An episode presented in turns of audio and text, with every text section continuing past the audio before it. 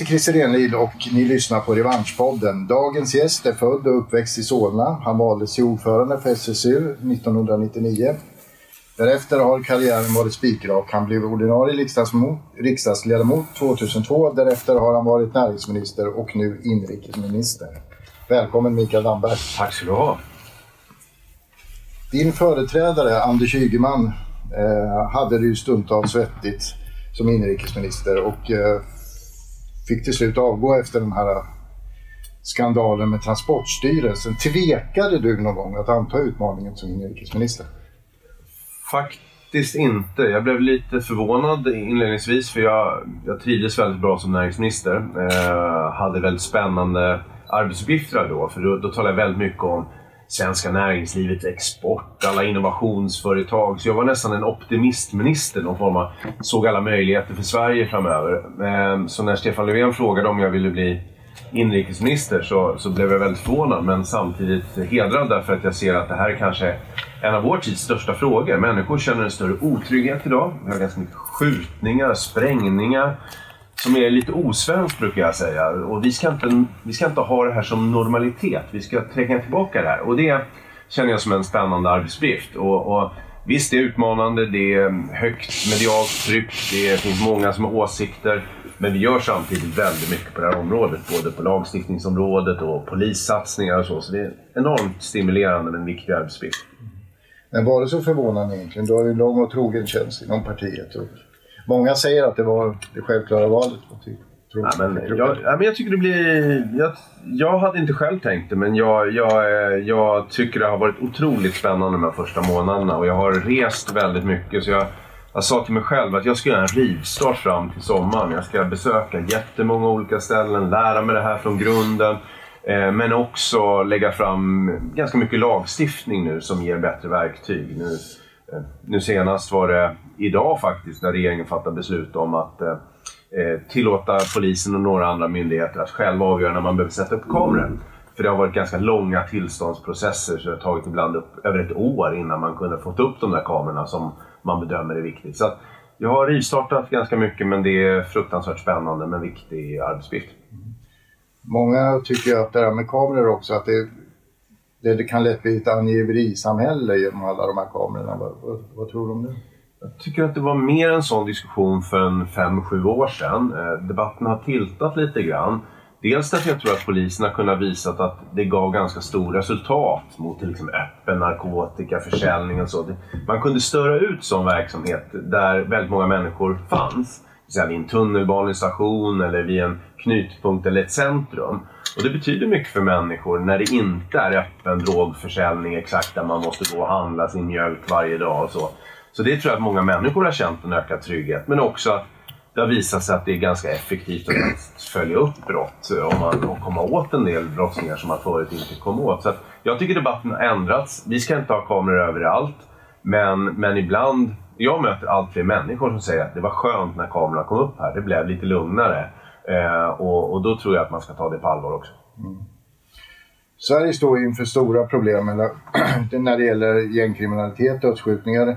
Enligt polisens statistik då, 2018 så var det totalt 306 skjutningar, 135 skadade och 45 döda.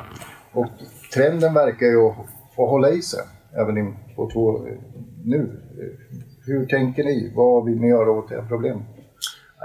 Vi får se. Det är månadsstatistik fortfarande så det verkar som att eh, än så länge, ta i trä, så har de dödliga eh, skjutningarna minskat något i år. Och vi får se om det håller i sig eller inte medan annat har ökat. Så det, är liksom, det går upp och ner det där. Men min bild är att polisen just nu flyttar fram positionerna. Att man har jobbat väldigt målmedvetet mot de här kriminella nätverken.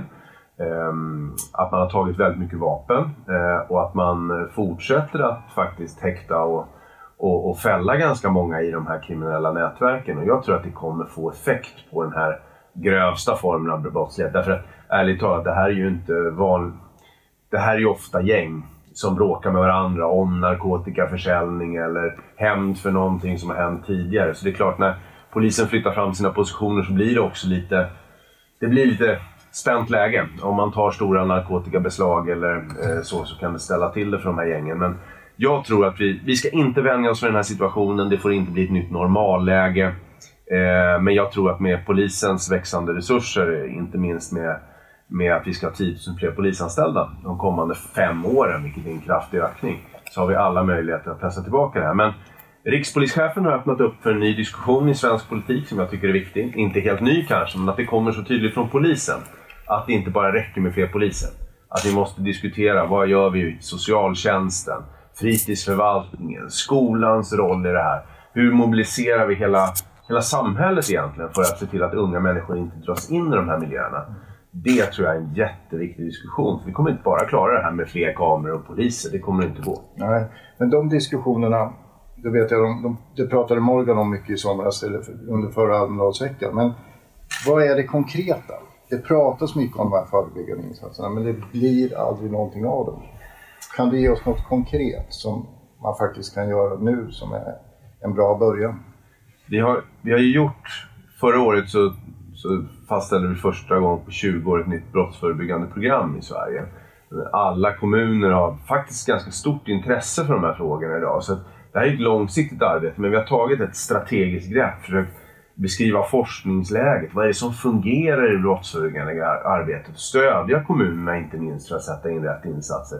Det där låter ju inte så sexigt och det går inte så fort. Men det är då man får med väldigt många aktörer som kan driva åt samma håll. Också bostadsföretag och andra. Hur planerar man bostadsområden, centrumanläggningar som blir tryggare och inte öppnar upp för, för brottslighet till exempel. Men jag ser att det behöver göras mer, framförallt på ungdomssidan. Gårdstensmodellen är ju en, en framgångsrik modell. Jättespännande modell och där har ju fastighetsägarna verkligen tagit ett stort ansvar ihop med polisen. Anställt vad hade de, gårdsvärdar kallade de det för, mm, va, tror jag.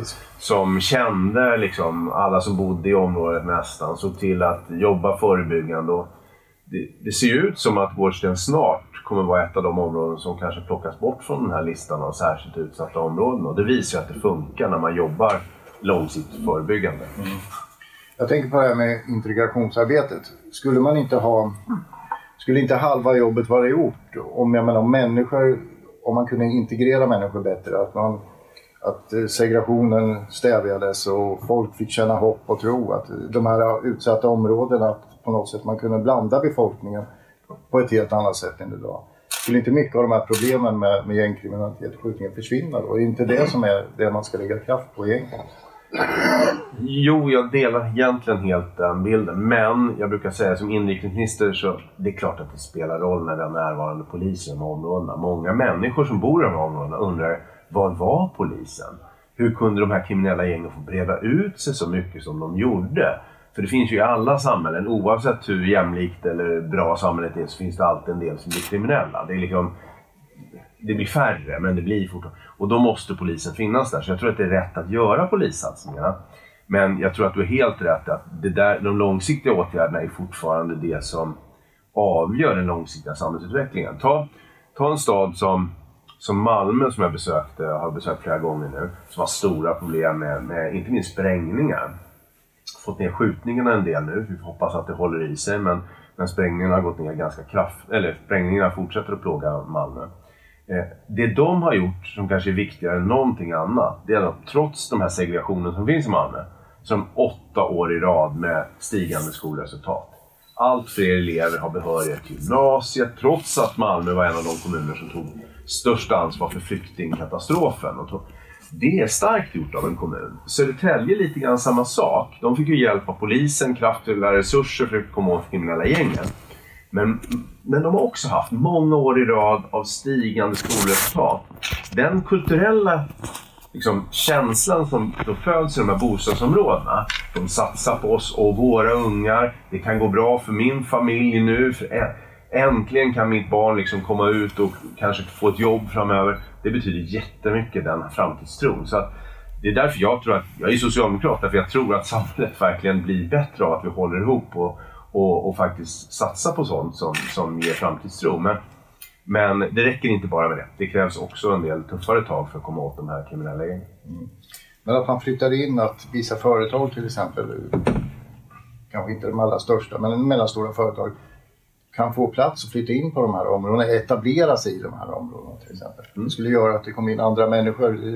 den här hopplösheten kanske skulle försvinna lite grann. För det är väl det som är integrationsarbete, att man blandar människor med varandra. Verkligen, och då måste både företag... Gårdsen är ju spännande där också, därför att nu verkar Även om det kostade pengar att anställa de här gårdsvärdarna och så långsiktigt arbete. Nu ökar ju priserna där. Så när fastighetsbolagen kan sälja mark och företag vill etablera sig alldeles i närheten och centrumet funkar bättre. Det är klart det finns stora vinster att göra när man vänder en sån här utveckling som inte bara handlar om kostnader. Så att, men det är väl på samma sätt som som inte minst KRIS har belyst många gånger, hur mycket samhället tjänar på att bara få en enda person att lämna det kriminella och liksom få ett normalt svenssonliv. Det är ju inte bara mänskliga värden som man tjänar på det. Det är ju också samhället tjänar enorma pengar på det. Så att det förebyggande arbetet är ofta billigare än att komma efteråt.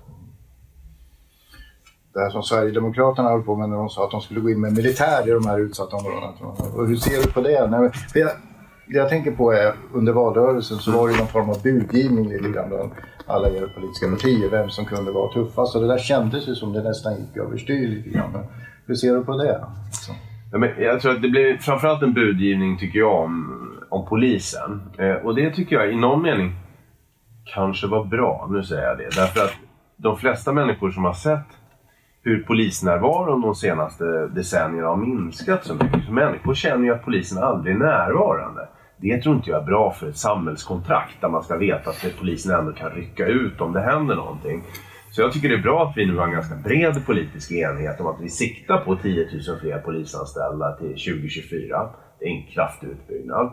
Eh, men, men, eh, men sen blev det liksom, jag delar bilden att, att sätta in militär för att hantera polisens arbetsuppgifter, det vill ju inte ens polisen. Så det, det, det, man får ju också, man får ju verkligen tänka ut ska man sätta militär mot sin egen befolkning? Varför då? Det är, liksom, det, det är fel tänkt tror jag. Så att, eh, eh, ja, det, det, det får iväg diskussionen. Sen är det ju så att försvaret hjälper polisen ibland. I terrorhandlingar och annat. Då kan man använda polisen, eller försvarets helikoptrar och annat. Och det, det är väl rimligt att man gör. Men, men vi ska, klara, vi ska klara, polisen måste få resurser att klara sitt jobb. Ja, inte man ska att inte ersätta polisen. Nej, nej, jag tror inte det. Jag tänkte på det här, ni har ju genomfört en del straffskärpningar, bland annat då minimistraffet för grovt vapenbrott. Och det, det har ju blivit en succé faktiskt. Mm. Det, jag läste någonstans, det är fem gånger fler som sitter häktade för vapenbrott än innan lagen kom till. Men det här ställer ju också enorma krav på kriminalvården och platsbristen är jättestor. Ja. Och det är fullt på häkten och fängelser. Var, varför prioriterar ni inte kriminalvården? Eh, problemet var väl att, eh, att inte den budget som gick igenom i Sveriges riksdag förra året prioriterade det tillräckligt mycket. Så nu har vi ju en utbyggnadsplan för kriminalvården. vi måste ge mer pengar dit. I, I första hand handlar det om att se till att kunna anställa mer personal så att man faktiskt klarar av att ta emot de som kommer och kanske just nu på kort sikt handlar det om en del dubbelbeläggningar. Där man sätter in våningssängar. För att, eh, men då måste man ju ha tillräckligt mycket personal så man klarar säkerheten och verksamheten. Men sen finns det också en utbyggnadsplan där man kommer att bygga fler, både anstalter och häkten och, och, och så. Det, det, det är tyvärr nödvändigt eh, därför att vi har fler människor som sitter inne idag. Ehm, men eh, vi hade nog inte räknat med att den här straffskärpningen skulle få sån stor effekt som det ändå fick. Det, alltså precis som du säger, det är ändå positivt att vi kan ta människor som har, bär vapen på sig och kunna häkta dem med en gång. Det är ju bra. Men det fick en större effekt än vad jag tror vi hade själva räknat med. Men räcker det då? Jag tänker, hur, hur ser man till att det inte liksom kommer in fler vapen i landet eller att tillgången blir färre? Jag vet att tullen har sagt att de också vill ha en liknande reglering som en, en straffskärpning där man höjer minimistraffet för att kunna beslagta vapen. Mm. Vad jag förstår så har ni tillsatt någon utredning till det. Hur, hur ser det ut för den? Ja, men vi tittar på det. För det, det, jag, tror, jag har kommit till samma slutsats som du. Det går inte bara att, att plocka vapen i Sverige om vi inte på något sätt hindrar vapnen från att komma in i Sverige. Eh, och därför har vi gett liksom, flera uppdrag till, till både polisen, och tullen och kustbevakningen att också kunna samverka lite mer vid gränsen för att se till att också stoppa den här typen av verksamhet. Men också tillsatt en utredning för att titta på de legala grunderna. Vad kan vi göra och skruva här? Ehm, jag tycker också det är provocerande att det är möjligt att till exempel importera bangers från vissa länder i Europa bang, som de facto används som bomber i Sverige. Eh, och det går liksom nästan att beställa på, på liksom nätet bara så kommer det med posten. Det är ju någonting som är fel i det här systemet där man kan så enkelt få tag i vapen eller sprängmedel i, i, i det moderna samhället. Så borde det inte vara. Mm. Okej, tack så mycket Mikael Anders. Tack så du ha. Tack.